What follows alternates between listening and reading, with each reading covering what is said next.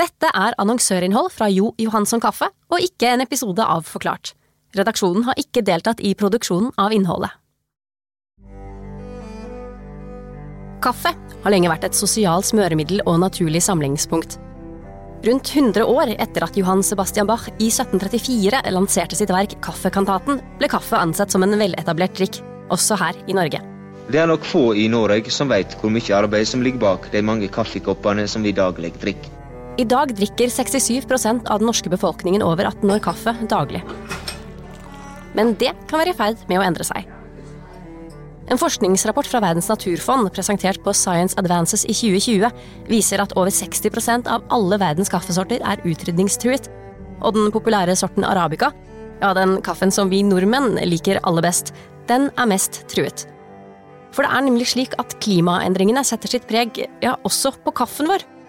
Vi har besøkt Norges miljøvennlige kaffebrenneri på Vestby for å finne ut hvordan kaffeprodusenten Jo Johansson Kaffe jobber med bærekraft. Når vi lager et sånt eh, brenneri som dette, så gjør vi det jo ikke for i morgen eller for neste år. Vi gjør det for de neste 60 år. Og skal du gjøre det, da, så må du på en måte nesten gå til det ekstreme for å legge deg i forkant fremover. Dette er Espen Gjerde, administrerende direktør i Jo Johansson Kaffe, som bl.a. står bak merkevarene Evergood og Ali Kaffe. Gjerde, i likhet med de andre ansatte, har flyttet fra fabrikken på Filipstad brygge i Oslo og inn i et helt nytt kaffebrenneri i Vestby, som skiller seg ut i Industriparken.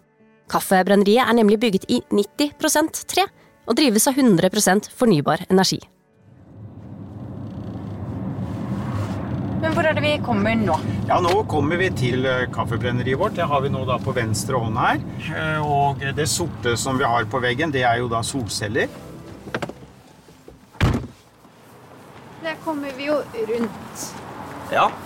Og det eneste jeg ser, nesten er jo bare treverk. Ja, men det er jo bare treverk. Eh, vi har jo støpt en plate her, og så eh, oppå der har vi brukt eh, treverk.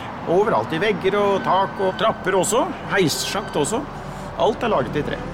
Ny forskning publisert på Science Direct i 2020 viser at å bruke treverk i nybygg kan redusere utslipp med opptil 69 der det ikke har vært mulig å benytte treverk i det nye brenneriet, er det brukt resirkulert og lavkarbon stål og betong. De nye veggene er kledd med 1280 solcellepaneler, og i selve brenningsprosessen brukes det biogass. Og biogasstanken, den er kjøpt brukt. En egen energisentral sørger for at man får utnyttet spillvarme fra kaffebrenningen, slik at kaffebrenneriet er selvforsynt med energi til oppvarming. Oppsummert betyr dette at Jo Johansson Kaffes nye kaffebrenneri er et av verdens mest avanserte anlegg for foredling av kaffe. Ja, kanskje til og med det mest avanserte og bærekraftige. Med det nye brenneriet har kaffeprodusenten klart å redusere sitt utslipp av CO2 med hele 85% Og det er grep som dette som må til skal man kunne fortsette å produsere god kaffe i fremtiden. Ja, også i din og min levetid. Vi ser jo allerede nå at kaffeproduksjon, da, råkaffeproduksjon i lavere strøk, det blir utsatt for, eh, for større værendringer. Mer tørke, mer nedbør osv. Og, så og også endringer i temperatur. Og det påvirker jo hvordan vi får ut smak og sånn på kaffebønnene. Så da vil nok det mest sannsynligvis drive produksjonen, altså planting og produksjon høyere opp i, over havet. Mm. Og det vil med en gang endre på smak f.eks. og egenskaper. Og det, det, det må vi klare å utnytte på en bedre måte fremover. I snitt drikker vi nordmenn hele 13 millioner kopper kaffe hver dag. Ja, sånn mellom 3,7 og 5,3 kopper per kaffedrikkende nordmann. Sett opp mot folketall så er det kun våre naboer i Finland som drikker mer kaffe enn oss. Ekspertene forklarer det store kaffekonsumet med smak og kvalitet. For skal vi tro de som virkelig har peiling, så smaker kaffen du finner her i norske butikker rett og slett bedre enn mange andre steder i verden. Men pga. klimaendringer er det altså ikke gitt at det er tilfellet om 50 år. Så hva må egentlig til for at jeg som 83-åring en gang i fremtiden skal kunne kjøpe god kaffe på butikken? Bengt Ove Hagen er produksjonsdirektør på Kaffebrenneriet i Vestby. Jeg tror jo i all beskjedenhet at flere må gjøre som de har gjort. Da. Og tenke med evighetsperspektiv når man, når man nå investerer. Gjøre det vi kan gjøre det som er mulig på det tidspunktet som vi er nå, da, for å redusere klimagassutslippene eh, så mye som mulig?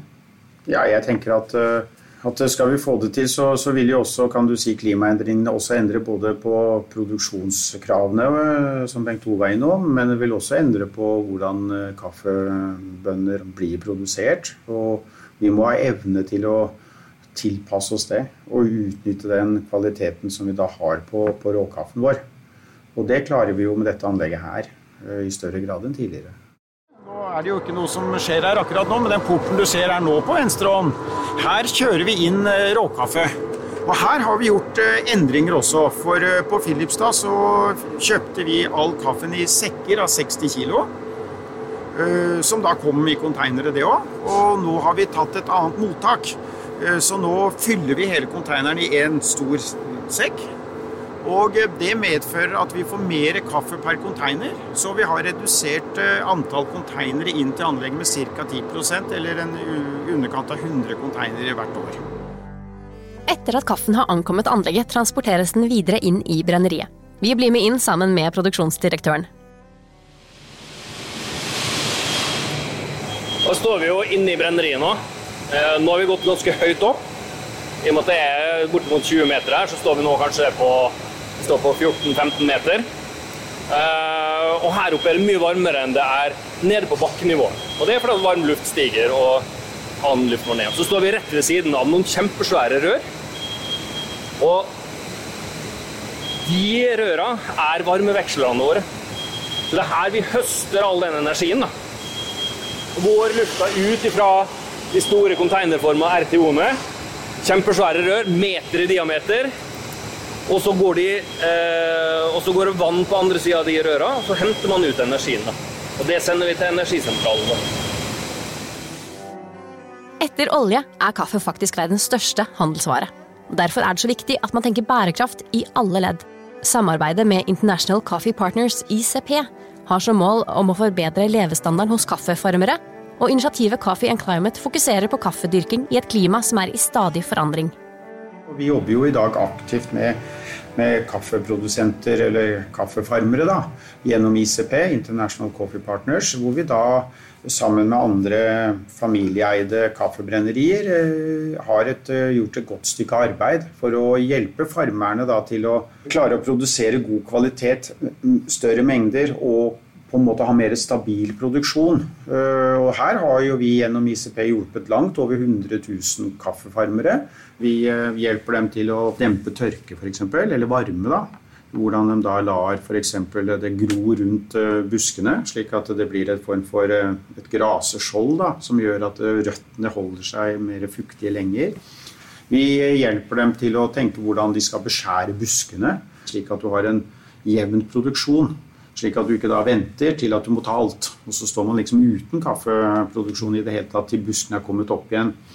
Og det kan også være dette med skygge, f.eks. Sørge for at man planter trær i nærheten som gir skygge. Og så har man dette med drenering og sånne ting. Så i Coffee Climate så har vi sammen med de andre aktørene laget det vi kaller en verktøykasse. Som vi da tilbyr farmerne. Sånn at hvis du kan gjøre sånn og sånn og sånn, så, så vil det være med å og demme opp for, for klimaendringer. Fra kaffebusk og helt til kaffekoppen med Evergood eller Ali kaffe som du setter på frokostbordet ditt. Espen Gjerde i Jo Johansson Kaffe etterlyser et enda større fokus på klimaavtrykk på stedet for produksjonen, som her på Kaffebrenneriet på Vestby. Det vi begynner å se antydning til, det er jo at myndigheter begynner å rette seg mot produksjonssted enn bare å rette seg til hva forbrukeren skal gjøre. Så jeg vil nok tro at myndighetene over tid vil liksom rette sitt fokus og skyts mot der hvor, der hvor på en måte eh, det, det oppstår. Og her oppstår det f.eks. 50 millioner poser. Hvis vi da gjør det på en bærekraftig måte, så har man lagt til rette for hva forbrukeren skal gjøre. Og klarer vi å gjøre det med bærekraftig energi, så er det også bra. ikke sant? Så jeg mener jo at vi er på rett vei da, ja. Ønsker du å lære mer om bærekraft og kaffe? Gå inn på jojohanssonkaffe.no, hvor du også kan se bilder av Norges miljøvennlige kaffebrenneri. Du har hørt annonsørinnhold fra Jo Johansson Kaffe, produsert av Skipsted Partnerstudio og Verdens sterkeste mann. Aftenpostens redaksjon har ingen rolle i produksjonen.